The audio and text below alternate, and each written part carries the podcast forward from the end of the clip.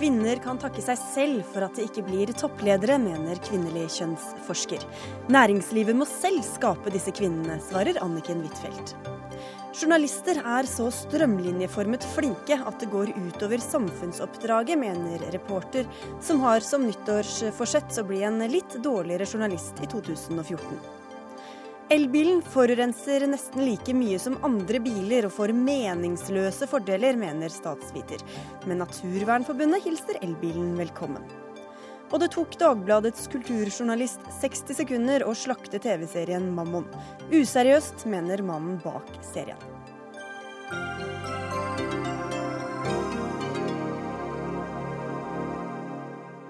Vel møtt til eh, årets andre og ukas siste Dagsnytt 18 på NRK P2 og NRK2, hvor vi også skal til Sør-Sudan og til fredsforhandlingene. Jeg heter Sigrid Solund. Finnes fortsatt det såkalte glasstaket for kvinner som vil opp og fram? Nei, sier NHO-sjef Kristin Skogen Lund til Aftenposten i dag. Når kvinner ikke får toppjobber, handler det først og fremst om at det ikke er vilje til å yte det som kreves, mener hun. Og det provoserte mange, andre deg, Anniken Huitfeldt. Du er leder i Arbeiderpartiets kvinnenettverk. Hva er det du reagerer på i uttalelsene? Først og fremst at kvinner som er på topp sjøl, sier at det er ikke noe problem å komme dit de er kommet. Det er omtrent som jeg, som sjelden i dag opplever hersketeknikker, skal si at nei, hersketeknikker for kvinner, det er ikke noe problem. For det er sjøl ikke opp opplever det i samme grad som tidligere. Men det er fortsatt grunner til at vi har få kvinnelige ledere i Norge. 10% av styrelederne er kvinner. På topplan i politikken er det bra, men på lokalplan er det ganske dårlig. 20% kvinnelige ordførere. Og det handler om et glasstak, men det ser annerledes ut enn før. Hva, er det som det, hva består dette glasstaket av i, ja, i dag? En gang så kritiserte jeg Telenor for å få, få kvinner i lederposisjon. Og Da ble jeg invitert til Telenor, fikk et møte med Baksås, og han fortalte meg hva som krevdes for å få lederposisjon i Telenor. Og Det var altså utenlandsopphold, det er ganske mye jobbing.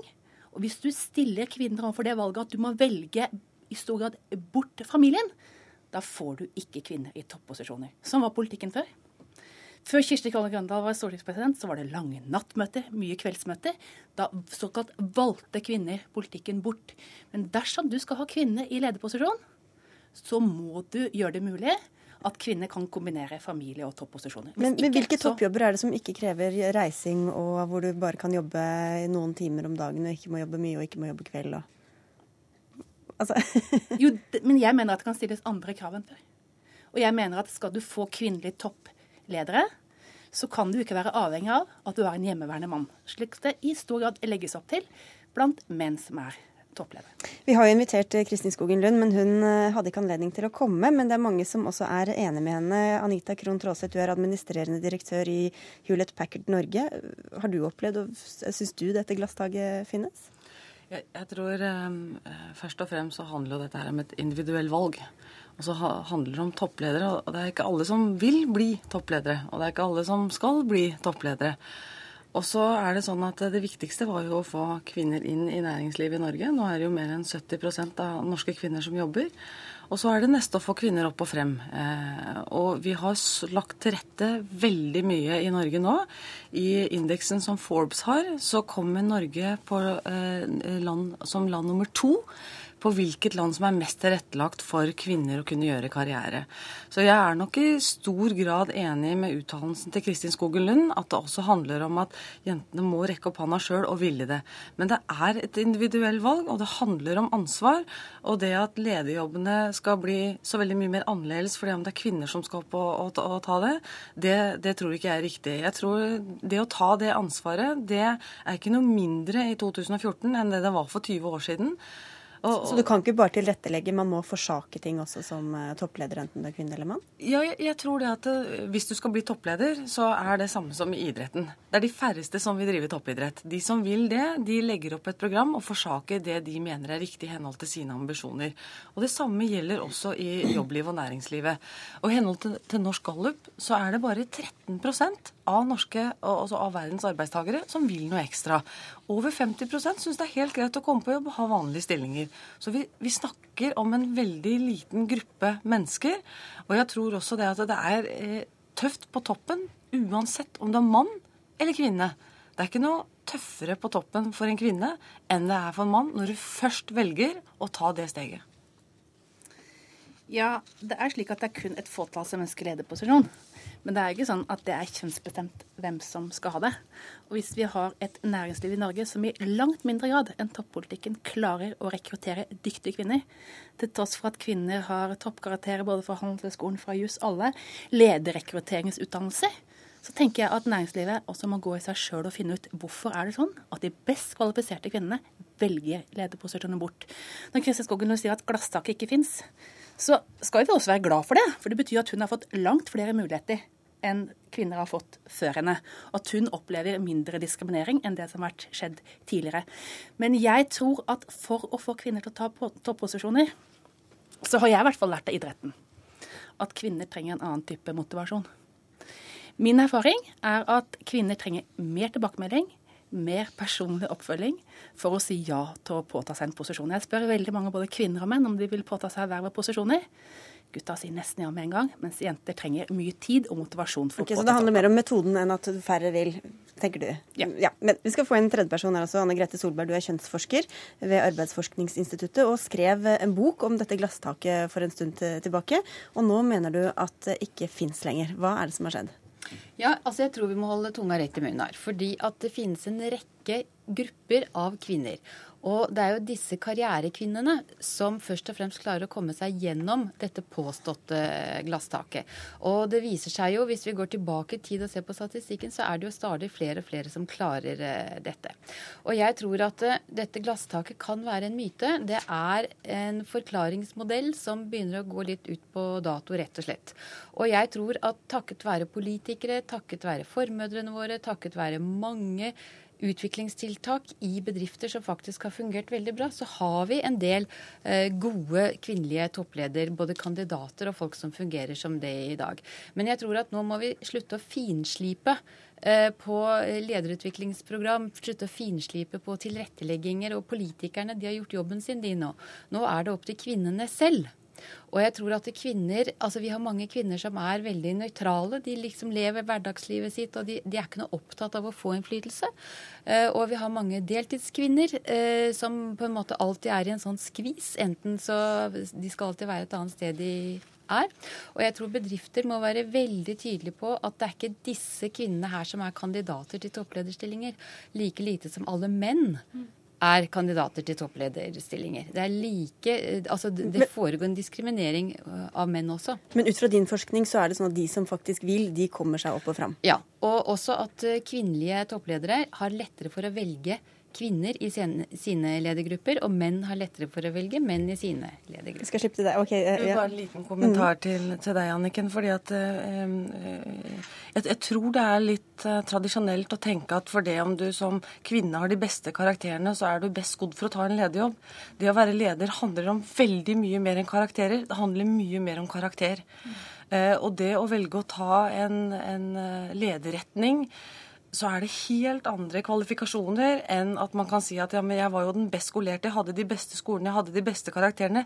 Det betyr ikke at selv om du er best faglig, at du er den beste til å lede mennesker, til å forstå retning, til, eh, Men kan det være at ikke, at ikke, unge jenter blir oppfordra til å ta de valgene allerede fra de er små, da? Sånn at det blir en gjentagelse senere jeg, jeg tror det har skjedd veldig mye. Altså, selv vokste jeg jo opp med Gro Harlem Brundtland som statsminister. Første kvinnelige i 1981. Det gjorde det mulig for meg å tenke at alt kan oppnås. Men jeg hadde bare henne og Tårnfrid som rollemodeller. Og nå har det kommet et mye større mangfold blant kvinnelige ledere. Og, det, og jeg syns det vi må jobbe litt med sånn kulturmessig i Norge, det er å gjøre rom for at det er flere typer forskjellige kvinnelige ledere. For vi blir fortsatt dømt som kjønn på utseende, på perler. Er vi for tjukke, er vi for blonde, er vi for tynne? Mer enn vi blir for innholdet. Og det er en interessant debatt. Her nikkes det veldig, Annike Huitfeldt. Jeg er veldig enig i det. Jeg selvfølgelig mener ikke at karakterer er utgangspunktet beste lederkvalifikasjon. Men man kunne ikke innføre kvotering i børsnoterte selskapet for 40 år siden, når det var veldig få kvinner som tok den utdannelsen. Men når vi så at til tross for at kvinner har bedre karakterer, går like godt utdanna, vi har, vi har massen der, så kom ikke kvinner opp og fram. Da måtte vi innføre kvotering. Men jeg ser ikke for meg, eh, og her er jeg nok enig at det å innføre mange nye lover nå Det tror jeg ikke på. Men jeg tror veldig på at jeg som politiker kan bidra til å sette fokus på at her har næringslivet langt igjen. Og her har også lokalpolitikken langt igjen. Vi går nå imot en eh, vår med hvor det skal velges en del ordførere. 20% kvinnelige ordførere i et land hvor vi er kommet langt i toppolitikken, det er rett og slett altfor dårlig. Så det er noen mekanismer som gjør at det er mer trøblete for en del kvinner å påta seg posisjoner. Og jeg bruker masse tid på å overtale kvinner til å påta seg det. Ja, og jeg tror her er noe um, av feilslutningen i argumentasjonslogikken din, hadde jeg nær sagt. Fordi det å få noen til å velge, det å liksom utfordre noen til å gjøre noe annet enn det de egentlig vil. Eller altså motivere. Jeg tror eh, næringslivet i mange år har brukt fryktelig mye krefter på kvinner som egentlig ikke vil. Eh, og min erfaring, jeg har jo jobbet med lederutvikling Men Kan det være at de ikke vil fordi at posisjonen ikke passer dem sånn som deres liv er, men at den kunne vært annerledes? Altså, min erfaring, jeg har jobbet med lederutviklingsprogram for å få til kjønnsbalanse i de siste 15 årene. Og du kan si det som er et fokus for meg nå de siste årene, er at de må få informasjon om hva ledelse og toppledelse egentlig er. For det er de samme karrierekodene som gjelder for menn som for kvinner. De og det nytter ikke å bare endre det Nei, sånn at det men, passer for kvinner bedre, at de kan være mer hjemme f.eks.? Nei, altså du kan si det å utvikle og gi informasjon om hva karrierekodene er, det er det som aller best fører frem. I det øyeblikket man begynner å fokusere på at kvinner har dårligere forutsetninger enn menn, så uh, virker det nesten mot sin hensikt mange ganger. At det passifiserer dem. De blir demotiverte, de blir defensive. Og de, de gjør ikke liksom eh, Tar ikke de holdningene som skal til. Mm. Hvis de holdningene som skal skal til, er definert til andre menn, da blir ofte kvinner diskvalifisert. Og det er her vi er uenige. For når jeg har brukt mye mer tid på å overtale kvinner som er sultne, som har lyst, men min erfaring er at når jeg skal overtale dem til å påta seg en posisjon, så trenger de lengre tid enn gutta. Så trenger de at jeg sier at de er gode nok. Men kan det være at virkeligheten er litt annerledes enn, den, enn det du skulle ønske at den var? At det rett og slett er færre kvinner som vil dit, uansett hva den posisjonen innebærer? Jo, jeg hører ofte at folk i næringslivet sier at kvinnene ikke er sultne nok. Og det er det i det å være sulten nok som jeg tenker det handler både hvordan du legger det til rette, om det er mulig å kombinere med å ha et annet liv ved siden av og der er kvinner og menn forskjellig. Og hvis det er slik at man sier at man ønsker 50% kvinner, men det krever såpass mye at du må forsake familielivet, vel, da får man det ikke. Da kan man ikke late som at man tenker at her skal man få 50 Da må man godta at det får man ikke til. Men det andre man må gjøre, det er å bruke mer tid på å motivere, gi tilbakemeldinger til kvinner. For min erfaring er at de ofte er sultne hvis de får mer, mer, mer Det er veldig lite tid igjen. Dere får få en avslutningsreplikk hver. Bare, bare en liten kommentar til det. Jeg, jeg, kommer tilbake igjen til at dette er et individuelt valg. Det er veldig lett å uttale seg om ledere og ledelse hvis man ikke har vært det selv. Det er tøft å stå i store ansvarsposisjoner, og det er et personlig valg man er nødt til å ta. Eh, og jeg tror at hvis, hvis, du skal, hvis du skal få kvinner til å ville det, så må det komme også av seg selv. Og hvis du som kvinne ikke engang tør å rekke opp hånda og søke på en ordførerstilling, da lurer jeg på hvor kompetent er du egentlig til å være ordfører da? Det er det som er hele forskjellen. Okay. At du må velges, og det har det med nettverk å gjøre. Men, og det har det deg til disposisjon. Vi får hvis du ikke tør det. For, ja. ja. men det er veldig mange i politikken som har blitt kvotert inn og gjort det strålende bra. Gro Harlem Brundtland er et veldig godt eksempel ja, på det. Hun ble løftet. Ikke alle som har gjort det like bra, heller. Hun ville det også, samtidig. Altså, man må ville det selv. Vi får se. Ja. OK, to sekunder. Altså, ja. Toppledere i dag de har jo mye høyere alder. Det er jo ikke de som, har eh, småbarn, som er i småbarnsfasen. Eh, så Derfor så er det ikke nødvendig heller å tenke så mye tilrettelegging for å få kvinner opp i topplederstillinger i næringslivet. Vi rekker ikke mer, altså. Tusen takk for at dere kom. Eh, tida går fort. Anne Grete Solberg fra Arbeidsforskningsinstituttet, Arbeiderpartiets Anniken Huitfeldt og Anita Krohn Traaseth fra Hulet Packard. I dag begynte fredsforhandlingene mellom de krigførende partene i Sør-Sudan. Representanter for eh, Sør-Sudans president Salwa Kiir og rivalen hans, den tidligere visepresidenten Riek Mashar, møtte spesialutsendinger fra landene i regionen og fra den regionale samarbeidsorganisasjonen IGAD. Møtene finner sted i Etiopia. Og seniorforsker ved Fredsforskningsinstituttet i eh, Oslo, Øystein Rolandsen, hva er kommet ut fra forhandlingene så langt i dag? Foreløpig har det skjedd eh, ganske lite. Altså, det er eh, Forhandlingsledelsen har hatt møte med de enkelte delegasjonene.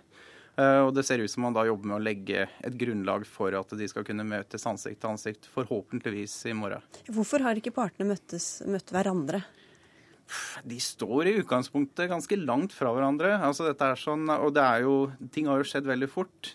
Så det har jo ikke fått en klar Eh, hva skal jeg si, motpart heller eh, hos opprørerne. Er veldig uklart hvem, hvem de består i, på den ene sida. Eh, og så er det jo en viss motvillighet på begge sider på å forhandle på dette tidspunktet, tror jeg man trygt kan si. At det er i hovedsak internasjonalt press som har ført de til, til forhandlingsbordet i Addis. Hva er det de forhandler om nå, da? Det ser ut som det første man er interessert i å få til nå, er en våpenhvileavtale, og eventuelt å prøve å få til humanitær Eh, tilgang da til disse områdene som har vært ramma av voldshandlingene. Og så fortsetter kampene samtidig som uh, samtalene pågår. Hvordan tolker du det? Det er jo en uh, kjent, altså en strategi som ikke bare brukes i Sørsland, men som også har vært brukt uh, der. Altså fight and talk. At man forsøker å posisjonere seg på slagmarka, samtidig som man da deltar i fredsforhandlinger. Så, så, og det er, det er, nok ikke usannsynlig at minst én av partene vil være interessert i å forsøke å bedre situasjonen sin på slagmarka før de går inn i seriøse forhandlinger. Hmm. FNs spesialutsending til Sør-Sudan, Hilde Frafjord Jonsson. Hvordan er situasjonen i Sør-Sudan mens eh, forhandlingene da pågår i Etiopia? Det er fremdeles spent. Eh, de kamphandlingene som har foregått før, har nok vært uh, vesentlig kraftigere enn det vi har sett eh, de siste to-tre dagene etter at partene forpliktet seg til å sende delegasjoner til Addis Ababa for forhandlinger. Eh, jeg vil eh, skynde meg å tilskynde at verken eh, president Fawakir Mayadet eller opprørslederen Riek Mashar er i Addis. De har sendt sine delegasjoner på sine vegne. Og det vil nok ta litt tid før det kommer til et punkt hvor de selv kan tenke seg å møte opp. Men vi er jo likevel bekymret for at situasjonen på bakken kan bety økte kamphandlinger, nettopp av den grunn Øystein nå sa, som er Øyvind nå som er det som er knyttet til til å posisjonere seg og bli, stå i en sterkere posisjon mm. i forkant av de seriøse forhandlingene. Ja, hva skal til for at, for at forhandlingene da tas opp på et høyere nivå? Nei, Først så må jo man komme i gang på en ordentlig måte. Og her har jo eh, forhandlingsledelsen en viktig oppgave. Eh, og da gjelder det å begynne med tre-fire grunnleggende prinsipper og bli enige om de. Eh, og så er selvfølgelig noe av det viktigste forhandlingsledelsen ønsker å kjøre frem, er det å få stanset kamphandlingene. Eh, og dernest så kan man gå løs på, på våpenhvile og verifikasjonsmekanismer. Så her blir det et spørsmål om hvor klare partene er til å diskutere det nå. Eh, jeg forstår det slik at de hadde forhåndssamtaler i kveld, eh, og at de legger til rette for, for å snakke om agenda, altså for forhandlingene, og hvilke spørsmål som kommer opp først i morgen. Utenriksminister Børge Brende, Norge er altså en del av den såkalte troikaen, som sammen med USA og Storbritannia jobber for en fredelig utvikling i Sør-Sudan. Hvordan bistår vi og de andre landene nå underveis? Akkurat før jeg kom opp hit, så snakka jeg med vår spesialutsending, eh, som da eh, er også i Addis, og har hatt samtaler med partene eh, i dag.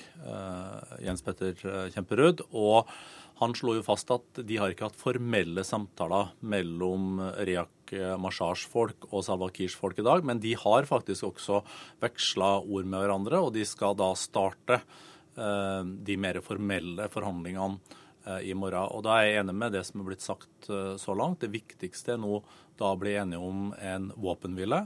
Og så er det da å overvåke en slik eh, våpenhvile.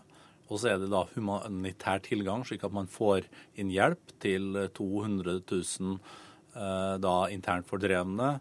70 000 antar jeg er nå i disse leirene som Hilde Frafjord Jonsson har ansvaret for, som er FN-leirer. Det er store humanitære utfordringer. Men det som virkelig ligger meg på hjertet, er jo at eh, dette er verdens eh, da yngste stat. Det er så store muligheter i Sør-Sudan. Selv om det er et av verdens fattigste land, så har de både vann, de har olje og gass, og vi var på rett vei. Og i løpet av noen måneder så er mye av denne tilliten eh, svekka. Og det er nå de må bli enige for å unngå at alt det positive som har skjedd etter 2011, ikke forsvinner som dugg for sola. Hva er Norges rolle oppi det her, både politisk og humanitært? Som du sier, så ble det jo eh, slik at denne såkalte troikaen fikk en eh, vesentlig rolle etter den eh, fredsavtalen som ble inngått i 2005. Nå syns jeg det er veldig bra at nabolandene i den såkalte IGAD-organisasjonen tar ledelsen, og jeg er veldig imponert over Hale Mariam, statsministeren i Etiopia, Etiopias ledelse her. for de har spilt en veldig god rolle med å eh, da eh, med stor grad av legitimitet bringe partene sammen. Jeg syns det er bra at disse landene tar ledelsen, men troikaen, USA, Storbritannia og Norge, vil være støttende. Eh, vi vil selvsagt følge opp med humanitær assistanse. Og når våre spesialutsendinger også er der når det forhandles, så er det viktig. Og det er jo sånn at jeg i løpet av romjula har hatt flere samtaler med Eh, USAs utenriksminister John Kerry. Jeg snakka med William Haig, som er da Storbritannias utenriksminister, i går kveld eh, om dette. Og vi legger også et internasjonalt press på Salwa Kiir og Riek Machar om at de må holdes ansvarlig overfor også befolkninga i Sør-Sudan hvis de nå ikke blir enige. Alle de eh, som har mista livet, eh, alle de humanitære utfordringene, det er de politiske ledernes ansvar. Hva, Rolandsen, hva skal til for å få en politisk løsning, tror du? Det er et uh, veldig godt spørsmål. Det er uh, ganske lett å være pessimist, uh, akkurat sånn som situasjonen er nå. Altså, Du har på den ene sida det at Sør-Sudan er en svak stat. altså At den politiske ledelsen har veldig begrensa kontroll både over militærapparatet og over en ganske hva skal jeg si, militarisert befolkning på den ene sida. Eh, og så har du da denne fastkjørte posisjonen mellom politikerne, mellom Salwa Kiir og Riyak Mashar, som da gjør at det er vanskelig å se hvordan de kan komme fram til en løsning på kort sikt. Og det er veldig bekymringsverdig. Så jeg har dessverre ikke noe godt svar til deg på det spørsmålet. Fra Jonsson, hvor store grupper har de forskjellige bak seg, altså av opprørerne og, og presidenten? Det er veldig vanskelig å si per i dag. Det er relativt uoversiktlig og det fluktuerer ganske mye. Eh, så det viktigste nå, det er jo at dette er en politisk kamp, maktkamp, som må løses med politiske midler. Eh, dessverre har eh, etnisk, etnisk identitet blitt et, et, redskap som er brukt av elementer på begge sider, som har vært veldig uheldig og skapt masse veldig alvorlige menneskerettighetsovergrep. Det gjør det hele verre, men det gjør det også desto viktigere å bli enige så fort som mulig. Jeg er enig med Øystein i at her har vi en kjempeutfordring. Eh, fordi det er eh, rett og slett eh, et spørsmål om to politiske motpoler, og kompromisser er vanskelig å se. Men det er gode krefter her som tenker skikkelig gjennom hvilke typer alternativer og scenarioer vi kan se for oss, og hva slags type innspill som nå kan spilles inn til forhandlingsledelsen. Eh, og det, det er mulig å finne en vei fremover. Mm. Og betydningen av at det skjer fort, kan ikke undervurderes. Straks, det er mange liv det står om. Mm. Vi må straks avrunde, men eh, kan en, eh, dere kan få en liten avslutningskommentar her. Ja. ja. Nei, altså jeg vil eh, veldig raskt støtte det som utenriksministeren sa om poenget med regionen, de nabolandene, som har på den ene sida altså et veldig stort potensial til å bidra positivt inn i denne prosessen. Særlig Etiopia, som er en nøytral stat. Men de har også da et veldig stort potensial for å eskalere konflikten, da særlig Sudan i nord og Uganda i sør, sør for Sør-Sudan. Ja, Det er ikke noe tvil om at der har også troikaen en viktig oppgave i å um, være med og uh, da uh, justere kursen hvis den uh, da Men Hvilke pressmidler har man da, hvis, man, hvis det ikke fører fram? Det er jo slik at uh, Sør-Sudan er en betydelig mottaker av internasjonal bistand. Det har vært et uh, prosjekt som har fått bred politisk støtte, ikke minst fra uh, troikaen. Og vi må ikke glemme at både Salwa Kiir og Riek Machar kommer jo fra det samme partiet, SPLM. Og nå at uh, deres hær, uh, SPLA, uh, er delvis splitta, at vi ser disse etniske konfliktene, det har du jo vært klar over at dette har vært der som brytninger hele tiden. Og der er jeg enig med det som er sagt også her, at disse etniske motsetningene brukes jo ofte politisk, for det er jo også en politisk maktkamp. slik at Først og fremst er dette et ansvar som de politiske lederne i SPLM har nå, for da å ta vare på folket sitt, i stedet for eh, å ta vare på eh, seg sjøl og sine egne interesser. Vi følger med. Takk skal dere ha for at dere kom til Dagsnytt 18. Øystein eh, Rolandsen fra Prio, Børge Brende, utenriksminister, og Hilde Frafjord Jonsson, FNs spesialutsending til Sør-Sudan, med derfra.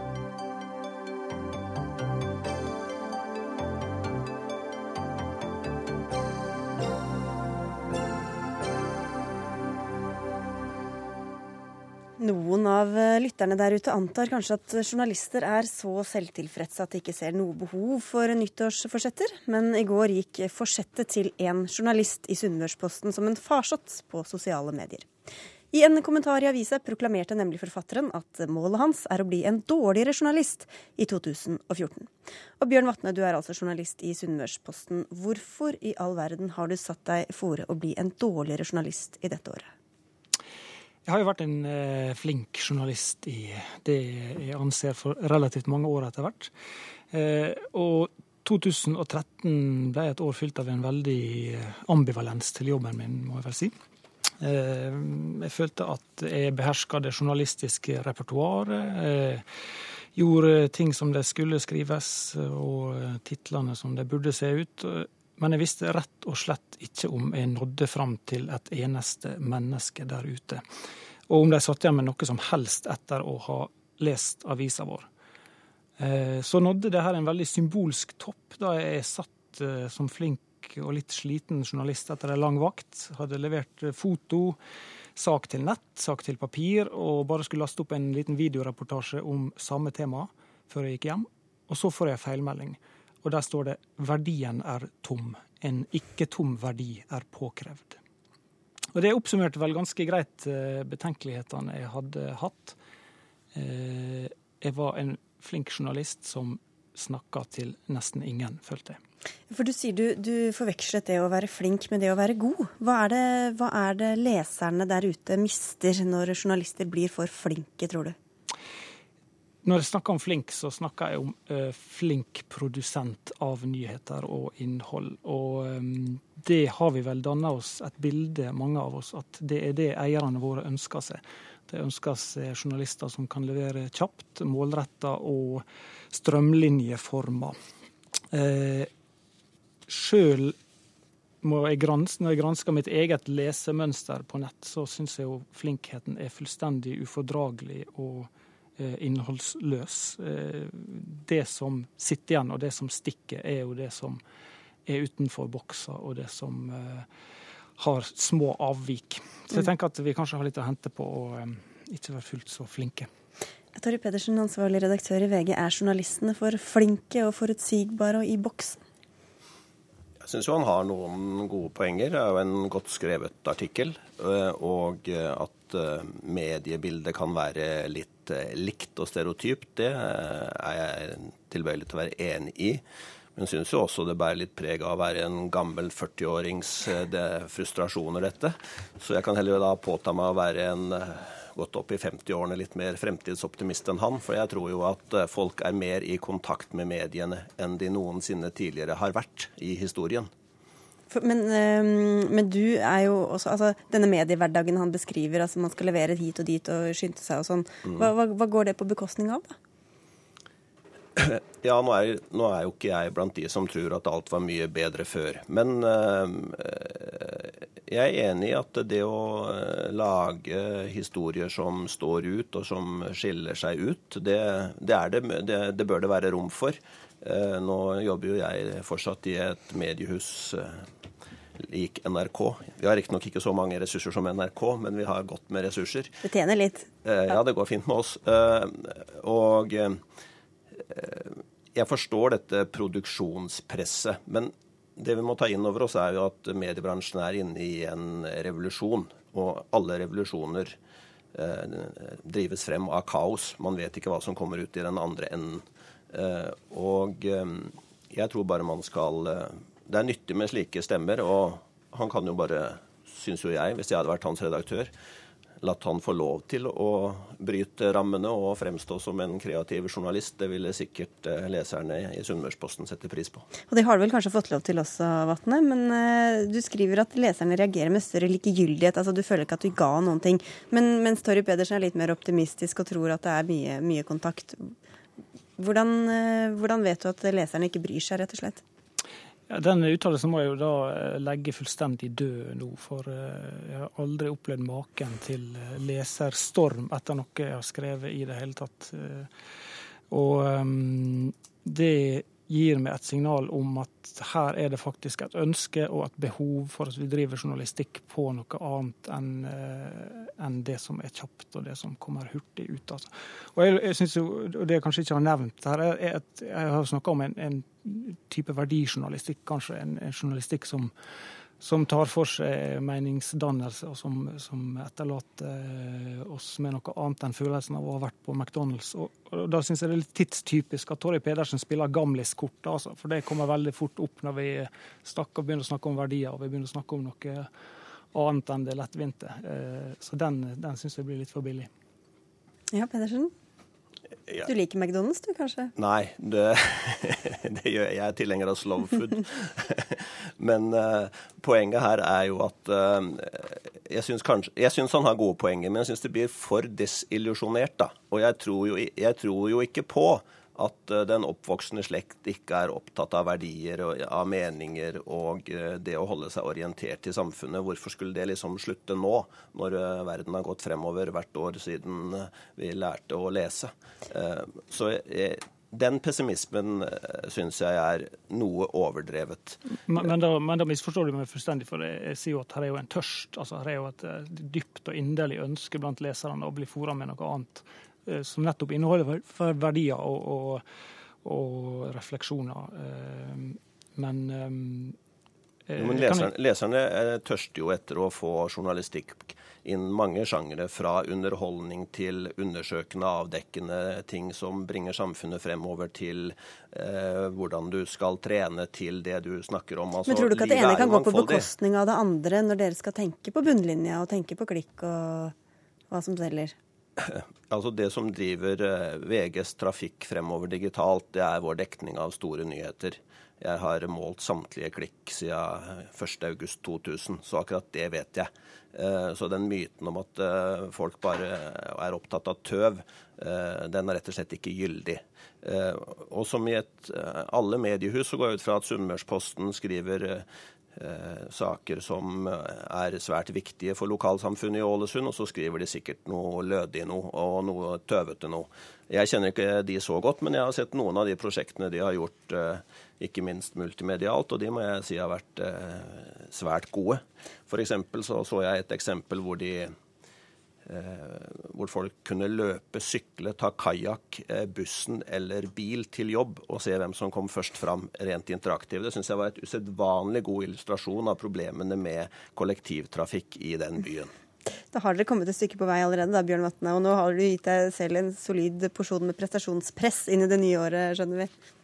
Absolutt, og jeg håper det som kommer ut av det her, ikke den gamle gørrkjedelige eh, mobbinga av VG og Dagbladet for at jeg har, twitt, nei, jeg har flott eh, forside. Altså, eh, hvis, det, hvis det her kan munne ut i et, en diskusjon om hvordan utvider vi det journalistiske registeret, og kan vi skue til andre kunstformer som jobber med å skape meninger, som jobber med verdier hele tida, og lære noe derfra, så tror jeg vi er på vei et sted der både jeg og Torry Pedersen har lyst til å dra.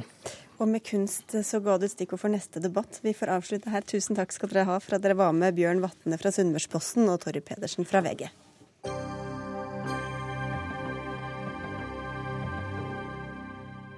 For musiker Pål Moddi Knutsen, du skulle egentlig til Israel i februar du, for å spille en konsert, men den har du avlyst. Hvorfor det?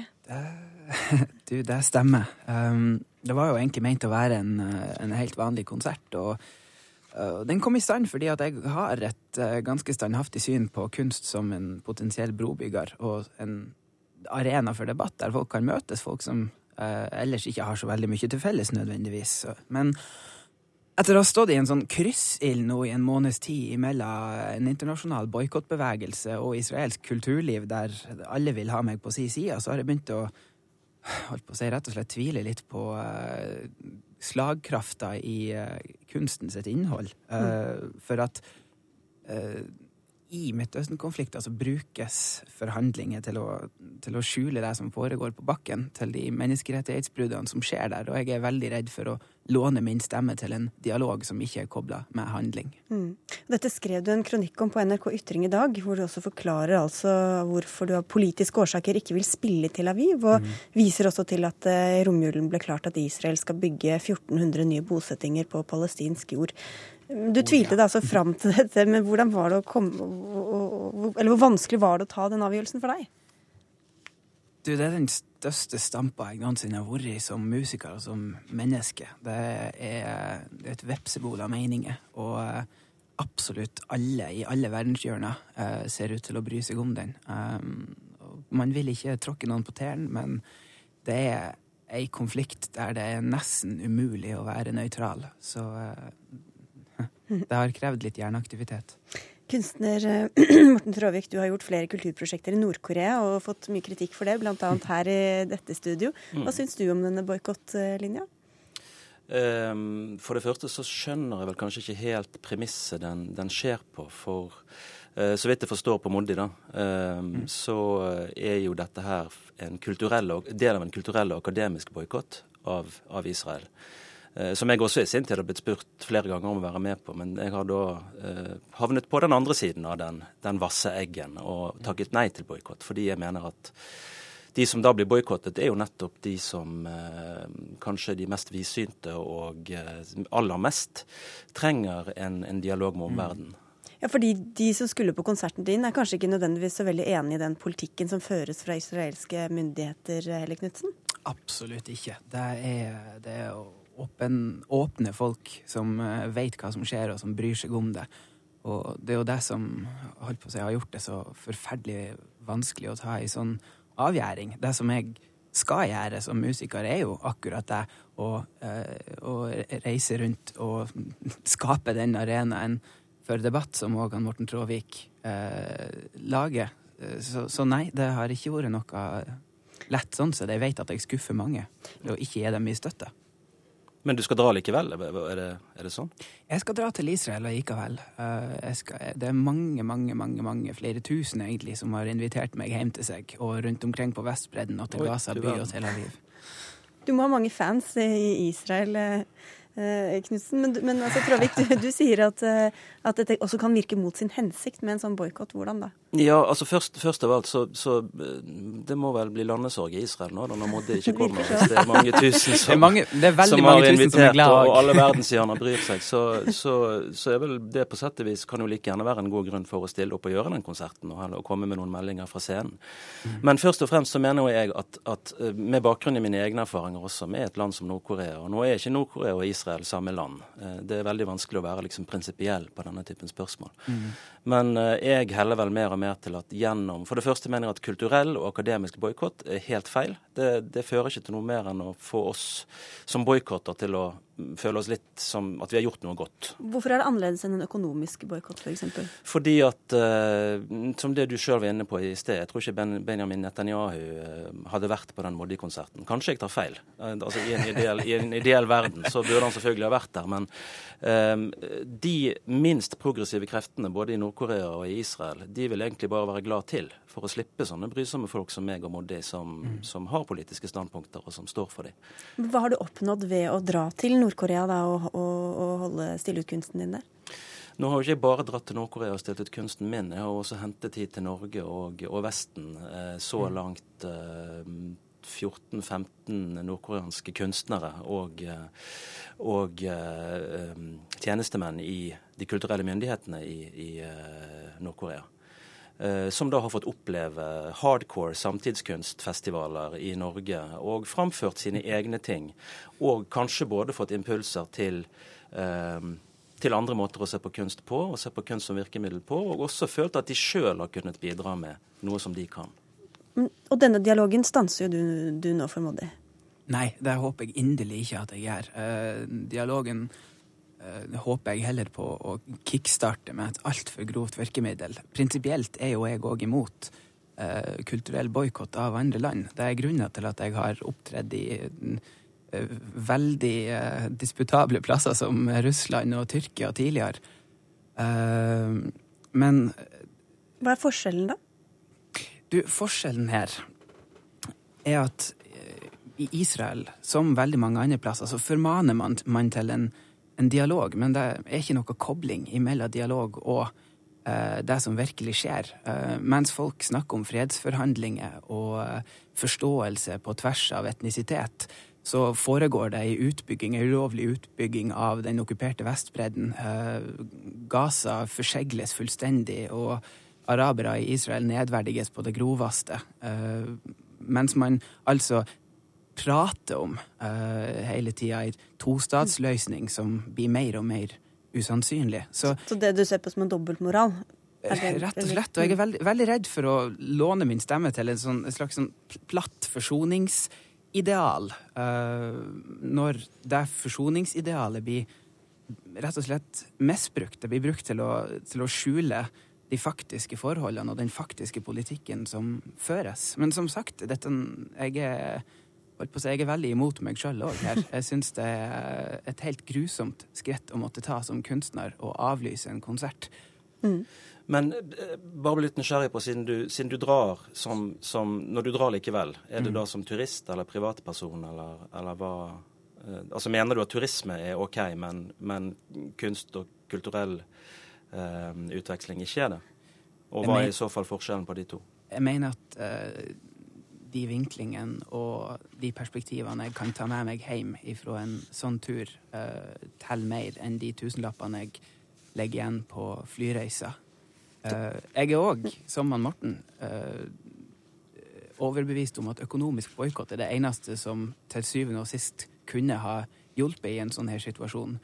Uh, men kunstnere, spesielt kunstnere, har vel ei mulighet til å nå mange uh, med en beskjed. Og, uh, og, og, det har ikke bedrifter mulighet til å gjøre. Det er vi som, skal, som må skape grasrota. Mm. Kanskje det blir en liten sånn privatkonsert, da? Å, jeg skulle ønske det. Kom, kom til Nord bli med til Nord-Korea istedenfor, Modi. veldig gjerne. Det er et veldig forskjellig land ifra fra Israel, og jeg ser ikke noen grunn til å, til å boikotte det på samme måte kulturelt. Her aner vi begynnelsen på et uh, vakkert vennskap. Takk skal dere ha for at dere kom til uh, Dagsnytt 18, Pål Moddi Knutsen og Morten Tråvik.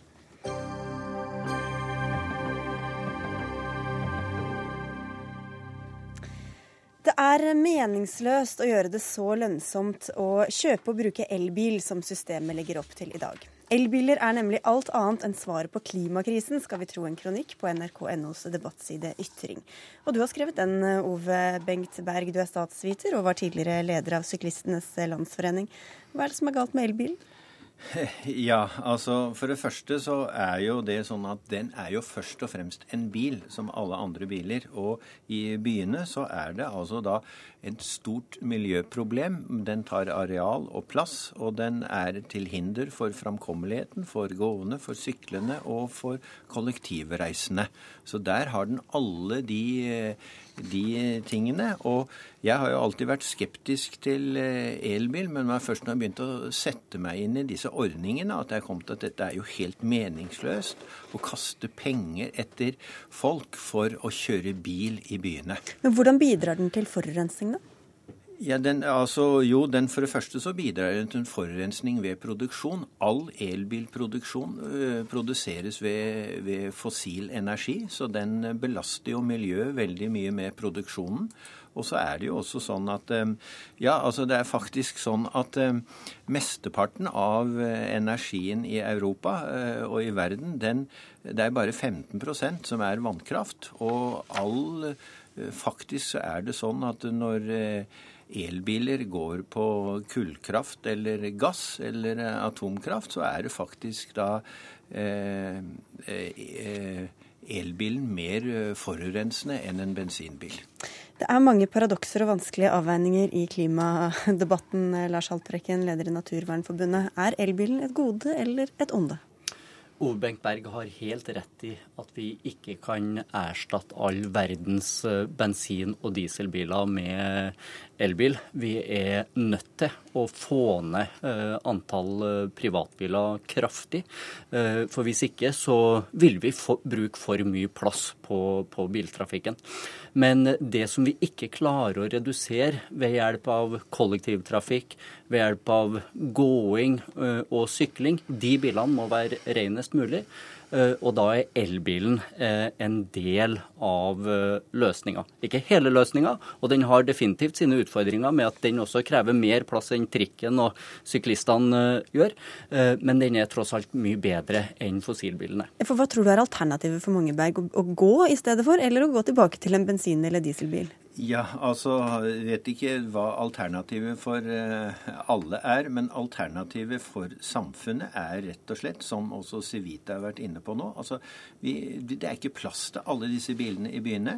Og elbilen har jo da som stimuli at de eh, Det er ofte da bil nummer to i en familie. Og de kan altså da bruke den til å kjøre bil inn i, inn i byene, og Oslo i rushtida. Og, så, så, det, det Så det kommer i tillegg til alle de andre bilene, tenker du? Ikke nødvendigvis erstatter dem? Nei, de kommer. Det viser seg jo det at de fleste som har elbil, har jo også da faktisk en bensinbil. Og så bruker de ikke den. De, så bruker de elbilen når de egentlig belaster og det er minst ønskelig med, med biltrafikk. Og dermed så svekker du tilbudet. Og jeg vil si det sånn at det, det er jo én ting Folk må gjerne kjøpe elbil for meg. Men, men, altså, det har noe med politisk strategi. Jeg skjønner ikke at det hodet er nødvendig for Naturvernforbundet, som jeg sjøl er medlem av, å jobbe for å forsvare elbilen.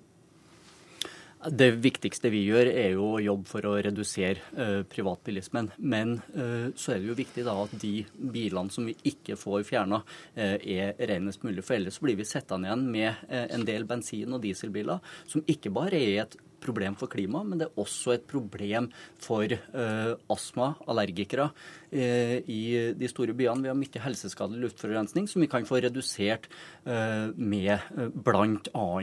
elbilen. Og så er det jo riktig at produksjon av elbilen krever energi, men det gjør også produksjon av bensin- og dieselbiler. Det krever også energi.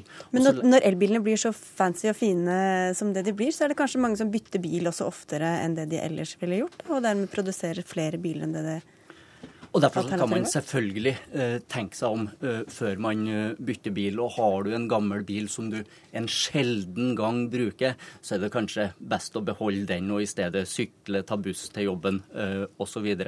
Men bruker du den bilen ofte, så kan det være bra for miljøet å skifte over til en elbil. Og Samtidig med at man har disse fordelene da for elbilkjøperne, så bør våre politikere være tøffe nok til å innføre enda strengere krav retta inn mot de forurensende bilene.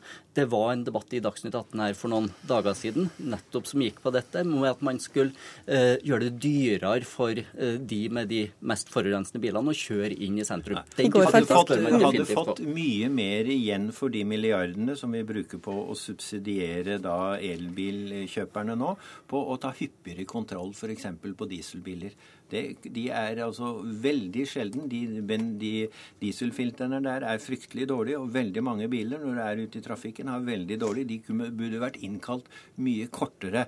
Og Så vekk, vekk, med subsidier, altså vekk ja, med billigere jeg, altså elbiler? Det, elbilen er, kan jeg godt si, de kan få 30% lavere engangsavgift, og, og, det, og det er det. det. Det er dem verdt, men heller ikke mer. Det som er viktig med de fordelene som elbilkjøperne får i dag, eh, det er jo for å få folk til å begynne å kjøpe eh, renere biler framfor de forurensende. Vi tror heller ikke, og mener definitivt ikke, at disse fordelene eh, skal vare evig. Men når disse fordelene avvikles, så må man samtidig øke prisen på de forurensende bilene, gjøre det dyrere å bruke dem, sånn at eh, elbilen eh, vinner i konkurransen med dem også i framtida. Men disse er- fordelene bør ikke være Det er en illusjon når du ser hvem som kjøper. Altså Du får bare de Tesla-kjøperne har fått eh, trekvart milliard i, i subsidier i år. Det er helt meningsløst. Og debatten kan alle lyttere og seere også fortsette på NRK Ytring. Takk skal dere ha for at dere tok den her i Dagsnytt 18.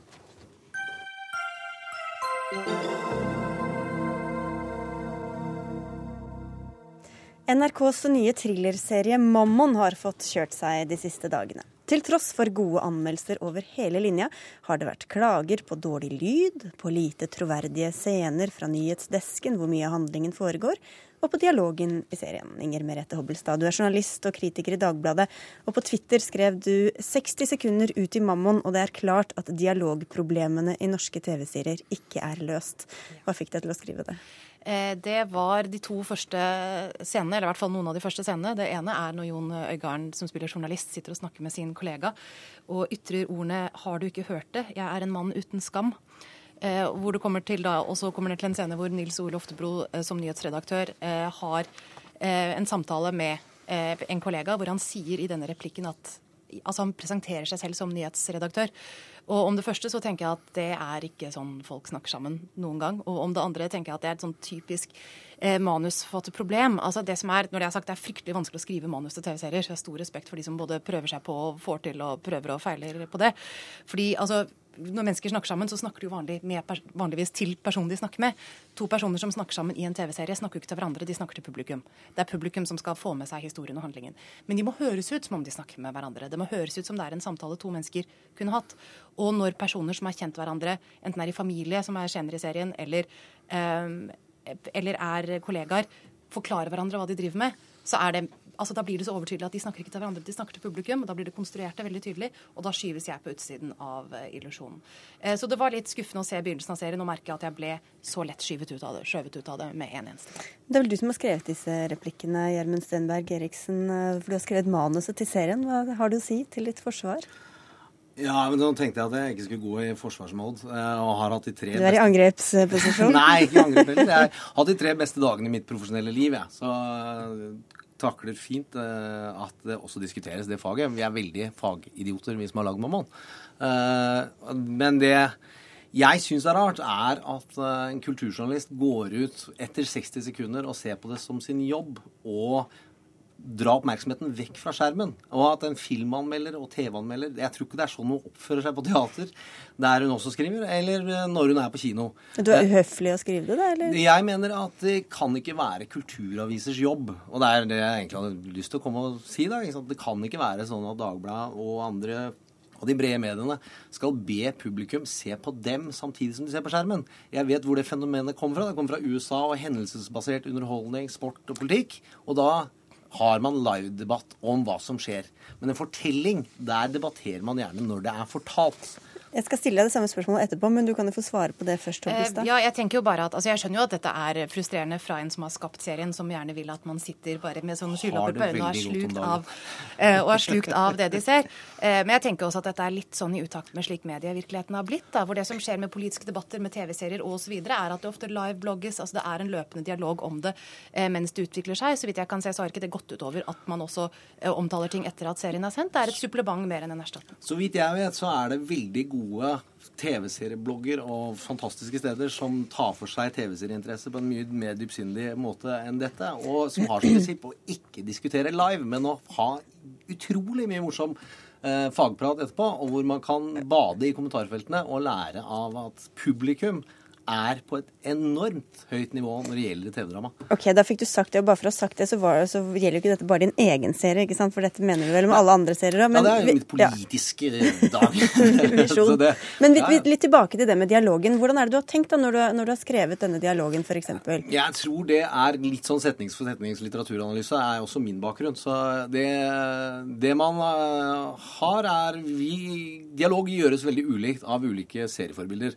Eh, Deadwood, West Wing, The Wire og dens like, altså de største kunstverkene jeg vet om, har veldig ulike dialogstrategier. Vi har prøvd også å dra i gang samtaler eh, og invitert inn til at man blir kjent med hvordan vi snakker i vår serie. Fordi det er ikke slik at alle TV-serier snakker likt, og vår snakker sånn. Og så er ikke det alle som Det har åpenbart ikke falt alle i smak, men det har falt en ja, det har vært en god dag. Det var nesten en million seere på NRK. Million seere, Dere har valgt en, inform en informativ eh, Nei, dialogstruktur. Nei, det, nei, det har vi ikke. Jeg tror ikke vi skal angripes for å ha for mye eksposisjon. Men det er slik at TV-drama lages for et veldig bredt publikum. Og noen plasseringer gjør man tidlig. eh, Som man kan oppleve. Så jeg kunne kommet med mine serieforbilder jeg, og fortalt hvordan de på replikk sier hvem de er og hvor de jobber.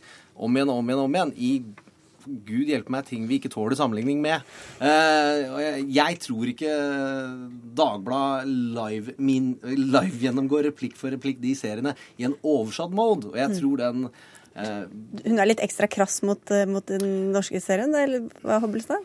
Eh, nei, altså det kan jo være, altså Man kan jo alltid si at dette er en måte man har valgt å gjøre det på. Men eh, jeg er litt sånn opptatt Men jeg er spesielt opptatt av dette faktisk særlig fordi jeg ser det som et vedvarende problem da i norsk serieproduksjon. at du ser, Og det ser du for øvrig med Mammon også. Det er pene ting å si om Mammon og det tekniske og, og eh, måten visse thrillerserier er gjort på ting, ting der. Eh, men det er viktig å huske på også at en episode til en TV, altså en tekst til en TV-episode, et manus, er en fryktelig kort tekst. Man rekker rett og slett ikke å si så mye i løpet av 50 minutter. Eh, hvis man velger å stave ut ting som kunne vært kommunisert mer indirekte, mer elegant, på mer subtile måter osv. The Wire er jo ekstremt dyktig på akkurat dette her. det, er, det, er ikke, det er å Um, sammenligne oss med ja, det, er, det er helt ja, men nå, akkurat på, ak, ja, men nå snakker jeg akkurat om dialogteknikker, da, om replikkteknikker. Og det er at da går man glipp av Altså du kan si at alt det man sier, sier man i stedet for å gjøre noe annet. Og, det, og det, den tiden kunne vært bedre anvendt. Mm. Dere er også anklaget for å være litt sånn lite troverdige. Altså, dere skildrer et nyhetsbyrå som fikk alle, eller eh, miljø som fikk alle journalistene til å ta fyr. Men da får man se på hvor representative eh, enkeltuttalelser er på Twitter. Eh, og så kan vi snakke om statistikken og slikt for det. Så det er, vi har jobbet veldig grundig med research av mange grunner, bl.a. for å prøve å få ting på stell. Det er gjort mange valg som handler om å lage en dramaserie. Vi følger den personlige utviklinga. Vi lager ikke scenene om juridiske diskusjonene, om man skal gå inn i et lokale i, hos påtalemakten, eller hva slags eh, juridiske diskusjoner en sjefredaktør og nyhetsredaktører har når noe slikt har skjedd. Da følger vi den personlinja. Og det er, det er den fortellingen vi valgte. Og vi har hatt mye flinke folk som har eh, akkurat den bakgrunnen som blir etterlyst.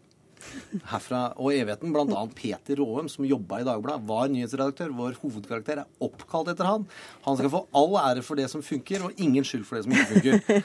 Men uh, vi, vi har sett en avis på innsiden Altså. Og en dokumentar er du heller ikke, Hobbelstad. Men, ja. Men, men der har du også uh, en side ved dette her. Altså jeg, jeg er ikke helt enig i de som etterlyser på en måte realisme. fordi jeg, tror, jeg tenker at det er viktig at man skiller mellom, mellom realisme og troverdighet. For det er klart man må ta seg visse friheter hvis et univers skal funke på film. Det vil ikke være et én-til-én-forhold til virkeligheten. Det ville aldri ikke vært særlig underholdende eller vellykket om det eh, hadde vært det.